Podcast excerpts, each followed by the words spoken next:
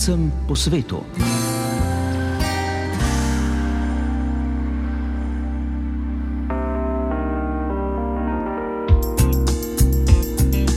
Lepo pozdravljeni, z vami sem Živa Trček. Naše druženje bomo tokrat začeli v Stokholmu. Tja sem poklicala sogovornika, ki dela v švedskem proizvajalcu letal in obrambnih sistemov SAP. Zdaj preveč ne smem povedati, ker ja. so to državne skrivnosti. Jaz se trenutno ukvarjam z radarskimi sistemi. Ker je letošnje leto slovenska vlada razglasila za Kajuhovo leto v spomin na stoletnico rojstva pesnika Karla Destovnika Kajuha, se bomo posvetili tudi tej temi. Govor pa bo še o poletnem taboru slovenskih otrok, vabljeni torej v našo družbo.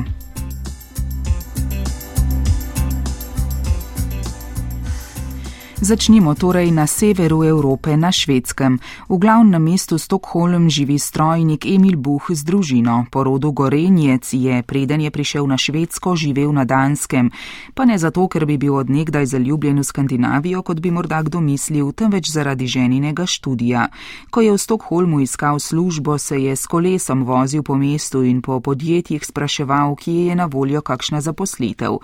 S tem pa je, pravi, močno presenetil pregovorno zadržane švede, ampak je naredil tudi velik vtis in med več službami, ki so mu jih ponudili, je izbral delo v podjetju SAP, švedskem proizvajalcu letal in obrambnih sistemov, nekoč tudi proizvajalcu avtomobilov. Emil Buh, sicer tudi amaterski igralec v domačem kulturnem društvu na Gorenskem, je zelo dejaven v slovenski skupnosti na švedskem. Torej, na švedsko gremo, Emil Buh, dober dan. Pozdravljeni. Kako je kaj na švedskem pozimja in mraz? Uh, moram reči, da preteklo leto je bilo bolj mrzlo, bolj sneženo, tam po minus 17 stopinj tukaj v Štokholmu. Uh, letos je pa bolj toplo, no? tako da nekega hudega snega ni bilo. Prihajate z Gorinske, tako da so vam mraz, sneg, narava domači? Ja, kar nekaj trošta sem preživel v naravi.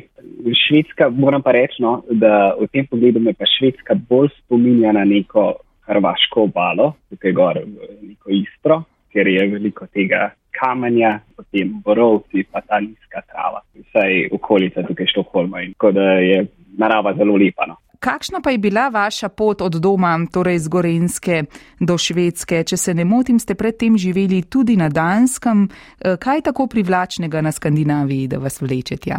Moram reči eh, za začetek, da nikoli pred tem, pred prvo selitvijo, nisem pomislil, da bi se preselil v Skandinavijo. Niti nisem imel nekih eh, strasti do, do teh krajev, vendar pa je potem se spoznal svojo punco, takrat sedaj ženo ki je pa imela možnost študirati v tujini in je takrat dobila program na Danskem, to je bilo leta 2014, da sem bila prvič preselila.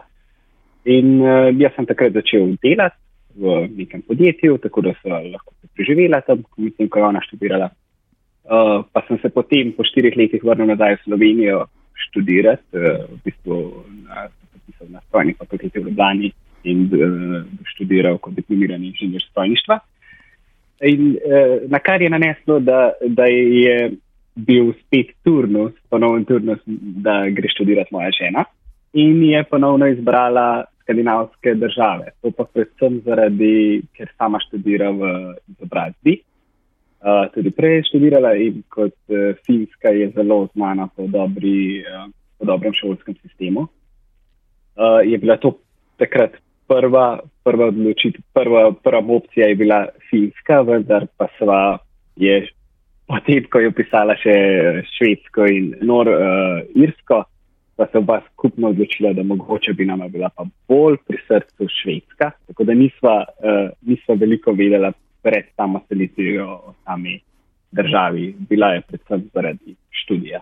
Vaše področje, kot ste že omenili, ste strojnik, torej vaše področje so nekako tehnične vode. Kje ste torej našli delo na švedskem, s čim se zdaj ukvarjate? Eh, ko sem iskal službo, sem imel kar nekaj težav, ker je bila takrat še korona nekako v, v tistih zadnjih izdihljajih tukaj in tudi veliko ljudi ni bilo po, po pisarnah in je bil edin način, kako priti v stik preko interneta, preko e-mailov in pač eh, preko tega medija, kako navezati stik s samimi podjetji. Uh, ampak tukaj se ni veliko dogajalo. Zato sem se odločil, da posedem na kolo, kot sem to že pred leti na Danskem naredil. In sem se vozil okrog po tem severnem delu Štokholma, kjer sama živela. In sem kar spraševal po uh, ljudi na cesti, ko sem videl, kakšno podjetje sem šel noter. In sem tako prišel do uh, tega trenutnega podjetja, kjer zdaj delam, do uh, Saba. Uh, in tukaj sem potem uh, videl, pač, kaj so moje izkušnje. Odprej, uh, na čemer so oni bazirali v osnovi, da me zaposlijo kot uh, proizvodnega inženirja. Uh, in tako so pač, ja, smo navezali stik, na koncu sem mislim, da dobil tri ponudbe z različnih podjetij. Torej priporočate tudi drugim nekakšno proaktivnost v tem smislu pri iskanju zaposlitve, da se usedejo na kolo in kar osebno malo povprašajo? Bi rekel, da ne moremo nič narediti narobe, če gremo po tej poti tako. Uh, veliko, veliko teh uh, uh, lastnikov podjetij, kot bi rekel, kakšnih direktorjev, je bilo zelo navdušenih nad mojim pristopom, ker uh, predvsem tukaj, bi rekel, na švedskem je uh, ljudje bolj ne, neusiljivi. Probajo biti neusiljivi. Ni tiste neke direktne konfrontacije in je bil moj način, v bistvu, še, moj način še bolj do izraza prišel. Ste jih torej kar malo če lahko tako rečem, šokirali s, svojim, ne, s to svojo neposrednostjo? Ne, nekatere, ja. predvsem po kakšnih recepcijah v podjetjih, ker eh, tam ne delajo vodje, tam delajo pač eh, zaposleni in tisti so bili kar šokirani, kako, kako zdaj kar prišel v recepcijo, pa kar tukaj bi za službo vprašal, to morate prek uradnih kanalov, preko interneta. Da, ja. No, Emil, omenili ste že, da delate trenutno v Sabu, to je švedski proizvajalec, če se ne motim, letal in obrambnih sistemov, so pa delali včasih tudi avtomobile. Kaj torej vi tam, kako zgleda vaš delovni dan? Uh, ja, uh, zdaj preveč ne smem povedati, ker ja. so to državne skrivnosti. je pa drugače, jaz se ne ukvarjam samim, uh, pred, uh, tako bom rekel. Um, bilo je, delali so, začeli so z obrambno industrijo, potem so zač, nadaljevali celo z avtomobilsko. Avtomobilska industrija je pred leti uh, uh, ugasnila tukaj in smo zdaj ostali samo še na obrambni. Jaz se realno trenutno ukvarjam ne s samim, ne z orožjem, ampak se ukvarjam z radarskimi sistemi, predvsem uh, s samimi uh, komponentami v radarjih, uh, postopki, kako, kako naredimo to čim bolj učinkovito in potem predvsem poskušam narediti same komponente čim bolj efektivne. Kako pa zgleda delovni dan na švedskem? Kdaj se začne delo, kdaj se konča? Pri nas tukaj imamo, temu pravijo, pravijo flexit, fleksibilni čas, se pravi v službo uh, lahko pridemo najprej ob petih zjutraj in pa najkasneje do devetih do povdan moramo biti tukaj. Potem imamo ob uh, nekje 15-11, imamo pol urno pauzo za kosilo in pa ob malo pred drugo uro še ena 15-minutna pauza. Temu, temu na švedskem tem pauzam pravijo fika in to pomeni, da ponavadi se kakšna kava popije, pa kakšen piškot ali pa kaj, kaj tak, takšnega manjšega prigrizna tudi. Uh, delamo pa potem do, do 4 popovdan se pravi, normalen delavnik bi izgledal od sedmih, kako jaz hodim tudi v službo, je od sedmih do štirih popovdan.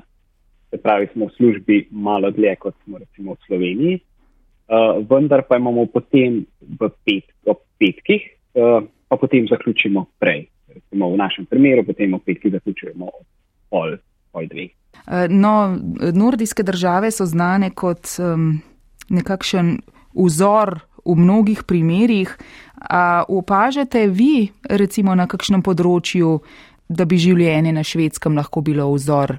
Ja, bi rekel, zelo je socialna država, dobro skrbi za, za vse izpade dohodkov zaradi bolezni, kako skrbijo za vzgoj otrok. Recimo, tukaj sem imela ženo, pred uh, tem, ko smo se preselili, po parih mesecih sva dobila na eno prvo hčerko in sva padla tudi v ta sistem, kako zdaj, kako voditi vzgoj otrok tukaj. In moram reči, da je zelo, zelo pregledno vse skupaj, kako, se, kako si lahko vzameš, uh, vzameva prosto. Recimo tukaj je bilo oba sva skupaj dobila, mislim, da je nekje 400 dni dopusta in so potem malo različni nivoji, koliko je izplačanega, ampak toliko so lahko prosta uh, za vzgojo najnega otroka.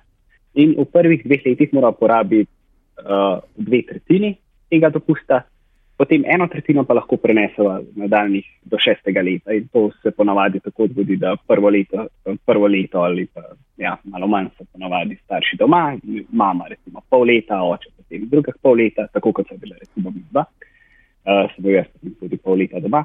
In ostalo se pa kar postane, takrat se pa ponavadi porabi za kakšne uh, poletne dopuste ali pa kakšne počitnice malo kasneje. Pa zelo dobro moram, moram omeniti, je zelo dobro postavljen sistem same digitalizacije eh, celotnih državnih sistemov, ker je veliko recimo za same uh, vodenje zdravnika, uh, stroške doklade, recimo, ali pa kadar si odsoten od službe zaradi bolezni otroka, lastne bolezni.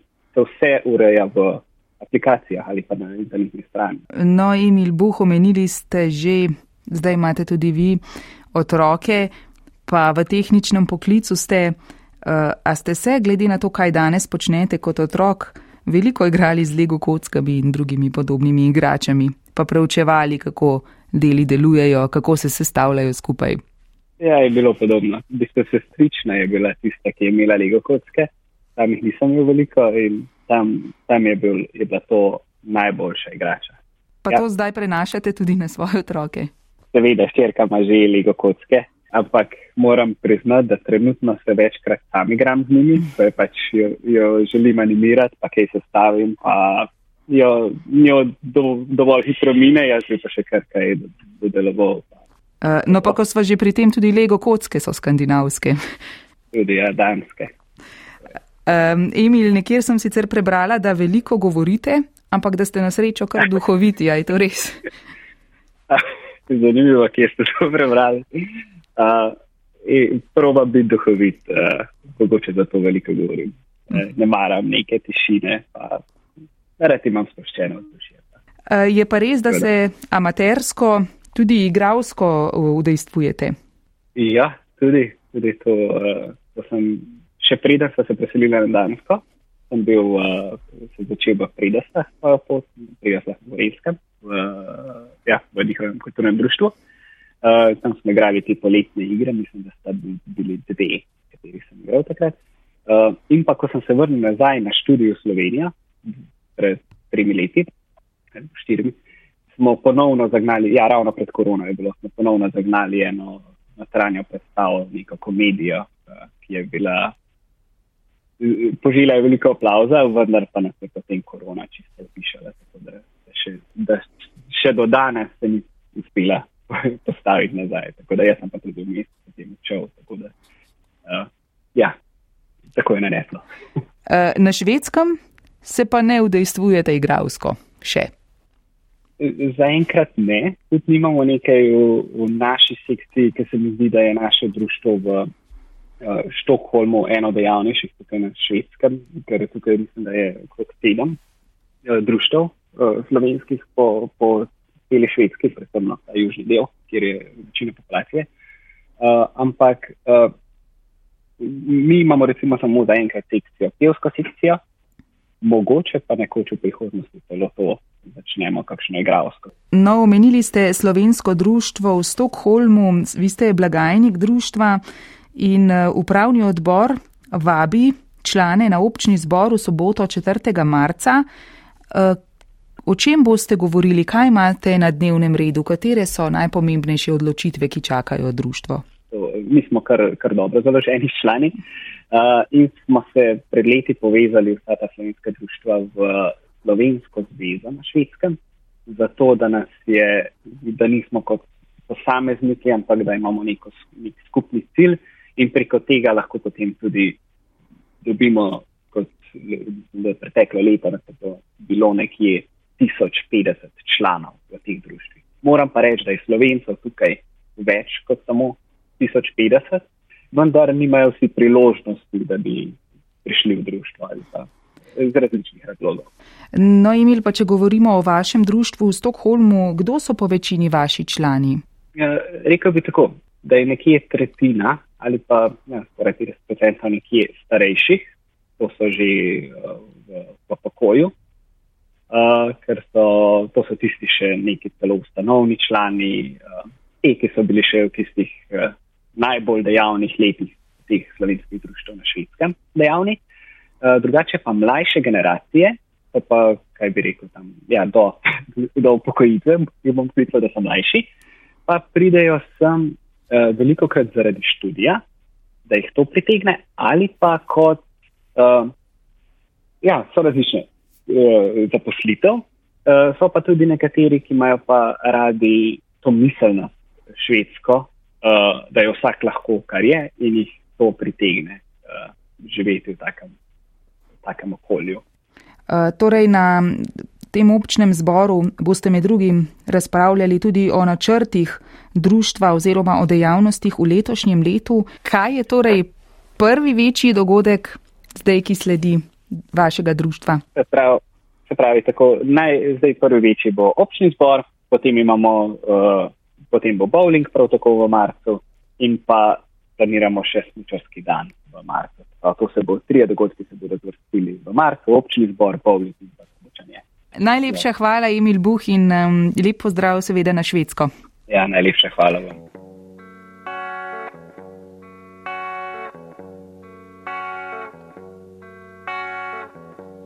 Mlina veter me bo gnal, da ne bom nikoli pristal, glej zdaj plavam čez oblak in me reže težek zrak, ali sonce ali bo sneg, mene grab nervozen smeh, rad bi ujel le njen odlan, da ne odplavam predelat stran.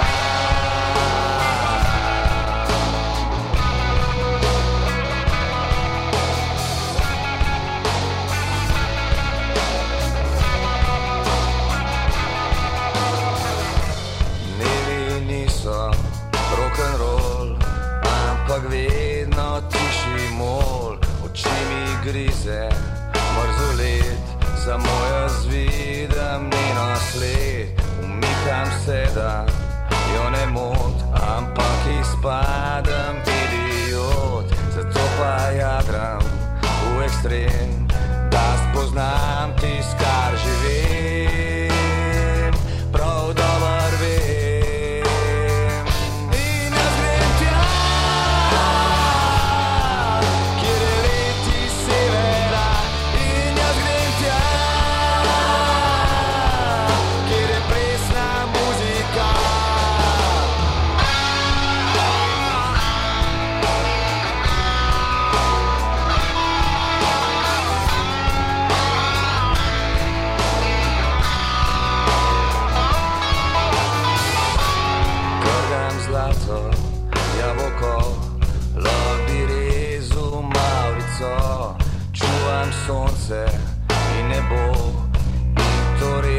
сама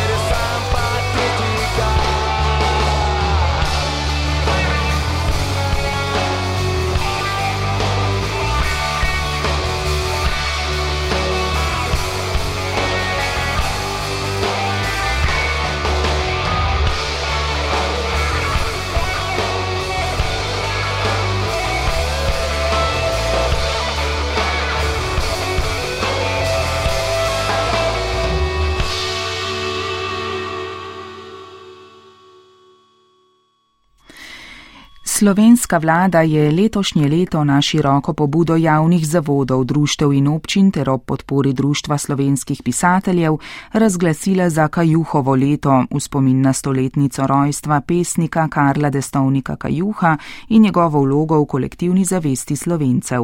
Osrednji dogodek s slavnostno akademijo Samo en cvet so pripravili v Ljubljanskem Cankarjevem domu, sicer pa bodo po državi vse leto v spomin na pesnika pripravljali različne dogodke.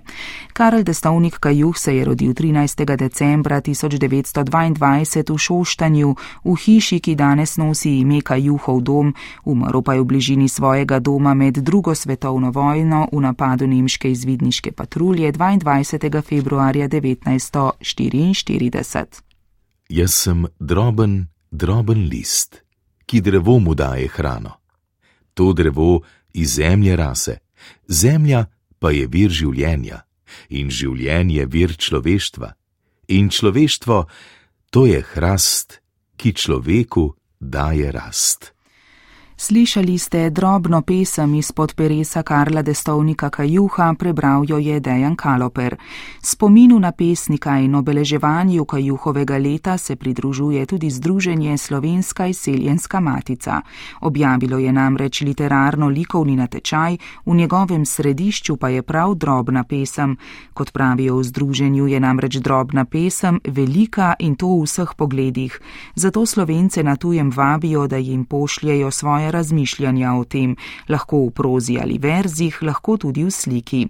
Vsa prejeta dela bodo razstavili. O natečaju sem se pogovarjala z glavno tajnico združenja Jasmino Ilič. Tudi združenje SIM sodeluje v letošnjem Kajuhovem letu s posebnim natečajem. Kako to, da ste se odločili, da boste sodelovali na tak način tudi pri obeleževanju Kajuhovega leta? Eh, res je, tudi mi eh, sodelujemo eh, v tem letu 2023, ki je pač proglašeno za leto Karla Destovnika Kajuha.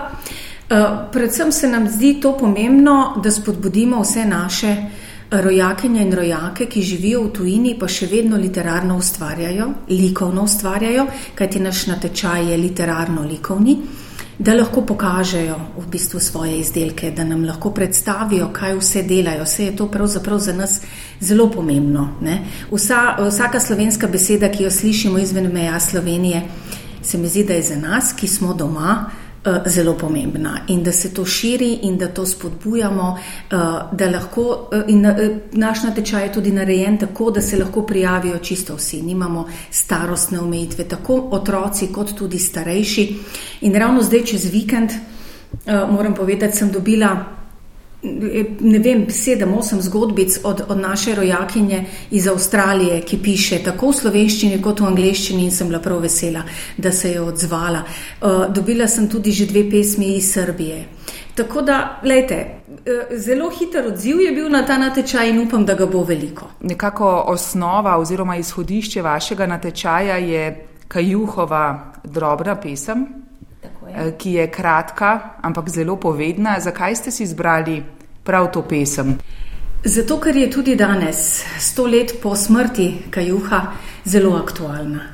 To je pesem, ki bi jo lahko napisal nekdo tudi včeraj. Uh, pove pa v teh 15 vrsticah, v katerih je napisana, mislim, da jih je toliko, pove čisto vse in zajame res čisto vse tisto, kar je pravzaprav pomembno.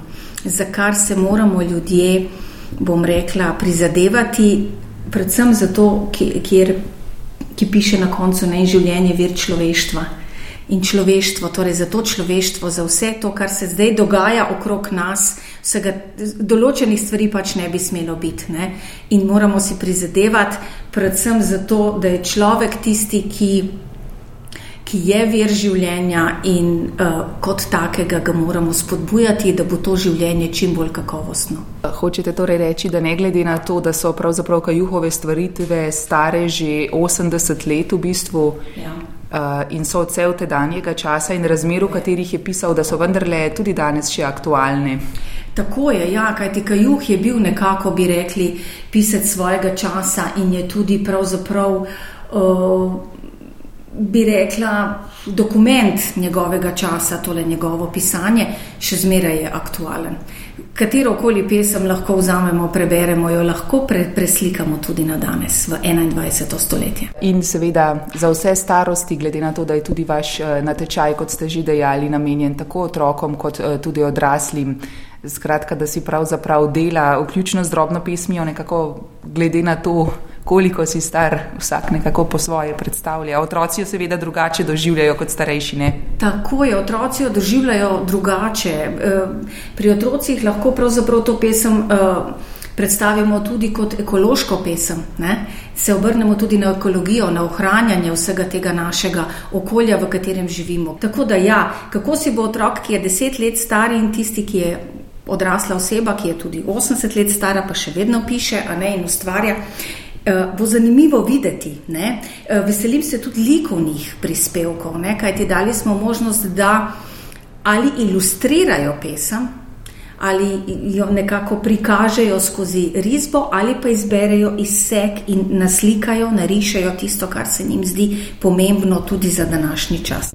Tako da upam, glede na to, da je kar nekaj likovnih skupin naših rojakov po svetu, da se bodo odzvali na natečaj, hkrati jih tudi zdaj vabim, veseli bomo vseh prispevkov, kajti želimo si pripraviti eno razstavo z literarnimi deli in tudi z likovnimi, ki bi nekako zaobjelo to kajuhovo leto 23. Tečaj je torej namenjen otrokom in odraslim s prispevki, tako pisanimi kot naslikanimi in e, narisanimi kam lahko oziroma na kakšen način lahko vse te svoje izdelke pošljajo. Tako je namenjen res vsem, tako otrokom kot odraslim starostne omejitve ni, lahko rišejo, slikajo, pišejo tako prispevke v prozi ali v, v poeziji, eh, pošljajo pa naj nam do 30. maja. Seveda, to smo si zadali nek rok, ki bo lahko seveda tudi še podaljšan, če se bo eh, pojavila potreba potem. Predvsem smo si zamislili literarne prispevke kar na elektronski naslov, ki je objavljen v natečaju.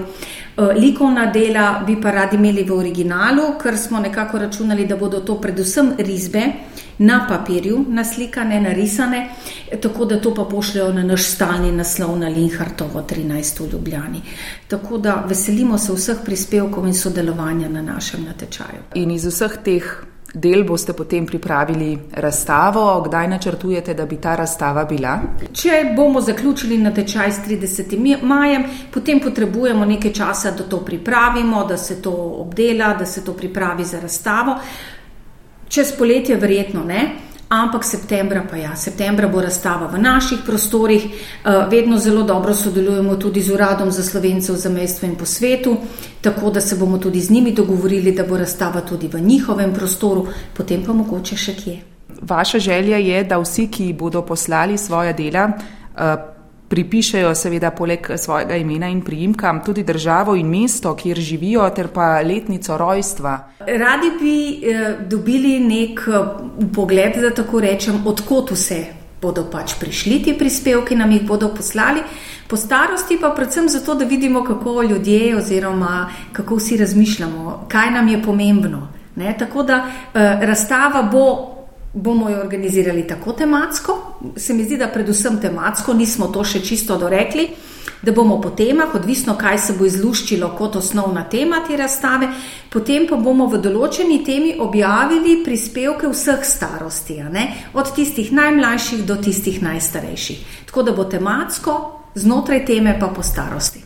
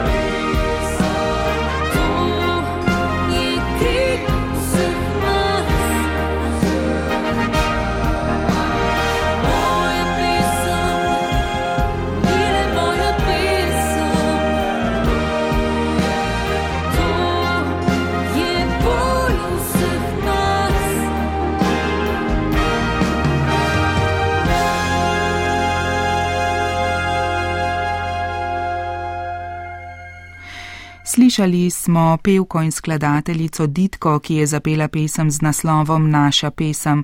Besedilo je izpod peresa Kajuha, poezijo pa je Ditka uglasbila ob stoti obletnici rojstva pesnika. Besedilo je namreč, kot pravi, še vedno zelo aktualno. Aktualne pa so tudi že prijave na poletni tabor slovenskih otrok, ki ga julija v Centru šolskih in obšolskih dejavnosti RAK organizira Svetovni slovenski kongres. Namenjen je otrokom od 9 9. do 15. leta starosti, ki živijo zunaj Slovenije in imajo slovenske starše ali stare starše. Na taboru bodo v dopoldanskem času izpolnjevali znanje slovenščine, ob popovdnevih pa spoznavali kulturno in naravno dediščino Slovenije.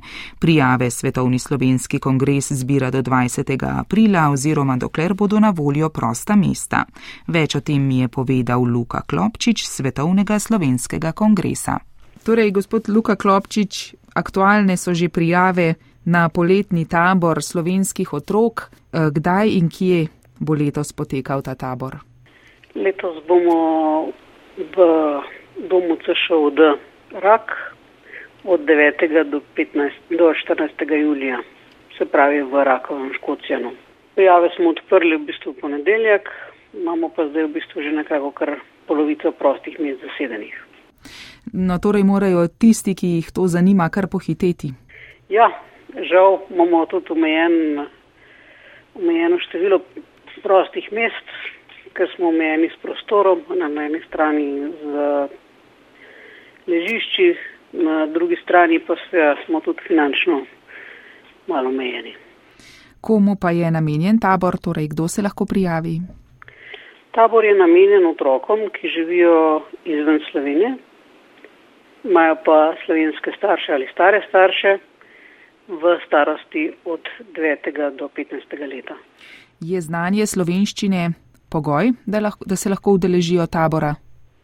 Ne, znanje slovenščine ni pogoj, ker pouk poteka razdeljen v nivojske skupine in v bistvu v, v začetku, ko otroci pridejo, izpolnijo tudi en test, zato da nekako vidimo, kako jih razporediti v skupine, da čim več odnesejo od tega. E, torej so vabljeni tisti, ki že nekaj znajo, tisti, ki znajo veliko in tudi tisti, ki še ne znajo nič slovensko. Tako, tako -huh. je. Torej v vabilu kandidatom naj se prijavljajo, ste med drugim zapisali, da voditelji skupin, ki bodo sodelovali na taboru, takšna druženja zelo dobro poznajo, ker so se jih v preteklosti že večkrat tudi sami udeleževali. Kdo bo torej vodil otroke na tem taboru? Nekako vzamemo kot pomočnike animatorja oziroma tudi kot animatorja. Ne? Udeležence, ki so že prerasli tabor in potem nadaljujejo v bistvu sledenjem taborov kot vodniki oziroma kot animatori. Kdo bo pa otroke učil slovenščino? To pa v bistvu ponavadi angažiramo lokalne uh, učitelje slovenščine. Včasih prevzamem to nalogo tudi jaz, takrat, kadar je gre za v bistvu stvari, ki so povezane z spoznavanjem okolice oziroma običajev. Stvar je v bistvu vedno pripravljena tako, da pri pouku slovenščine se pogovarjamo o stvarih, ki jih bodo učenci spoznali v podanskem času, vsaj pri teh naprednih skupinah. Ne? Pri začetnih skupinah pa seveda so osnove slovenščine v spredju. Glejte, omenili ste že dopoldanski čas, pa popovdansko dogajanje. V dopoldanskem času se bodo otroci oziroma mladi učili slovenščino, popovdnevi bodo namenjeni druženju in spoznavanju kulturne in naravne dediščine. Drži. Kaj načrtujete potem za te popovdanske dejavnosti?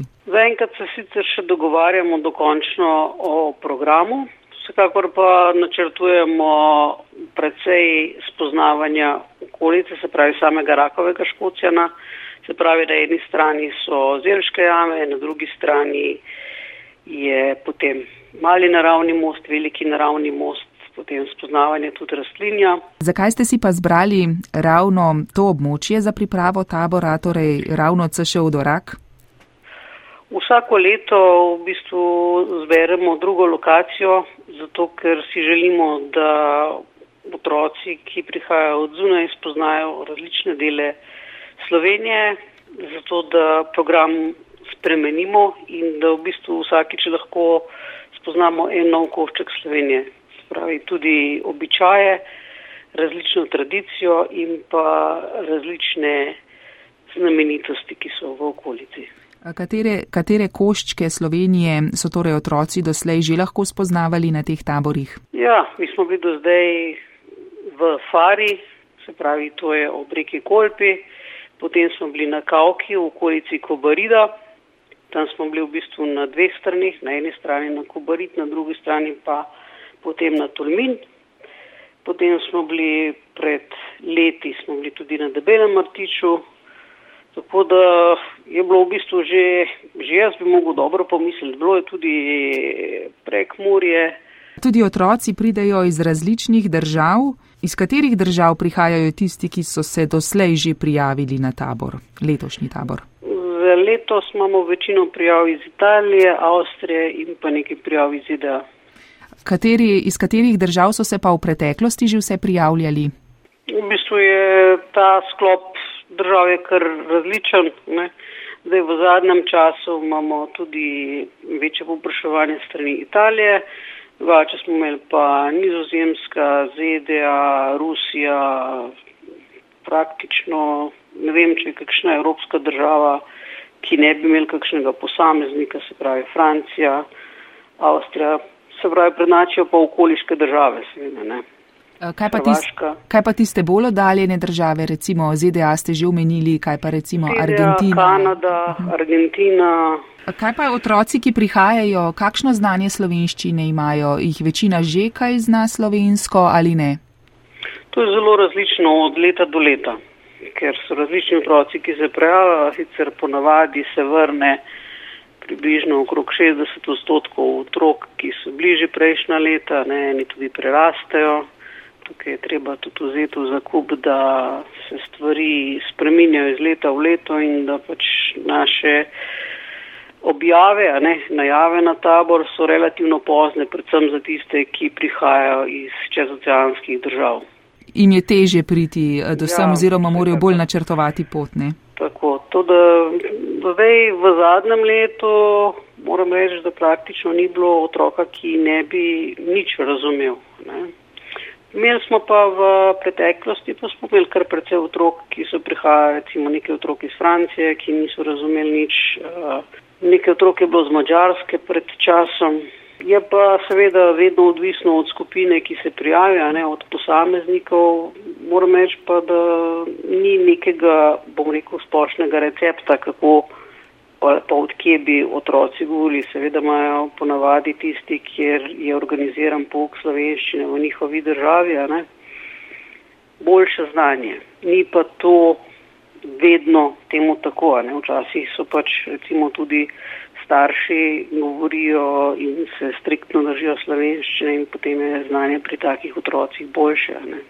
Kako pa recimo tistim otrokom, ki prav nič ne znajo slovensko, pa pridejo na tabor, eh, kako se sploh lotite učenja slovenščine z njimi in na kakšen način jim potem v popovdanskih druženjih predstavljate eh, Slovenijo?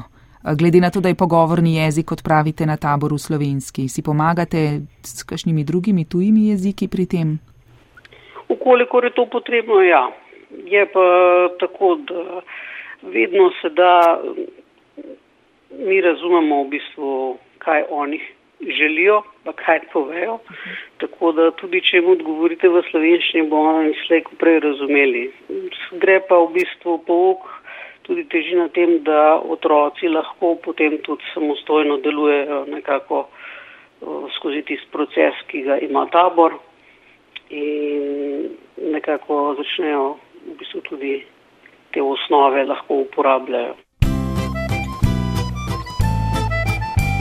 Sreča prihaja že zjutraj, takoj ko odpreš oči in ti prinese neskončno prečudovitih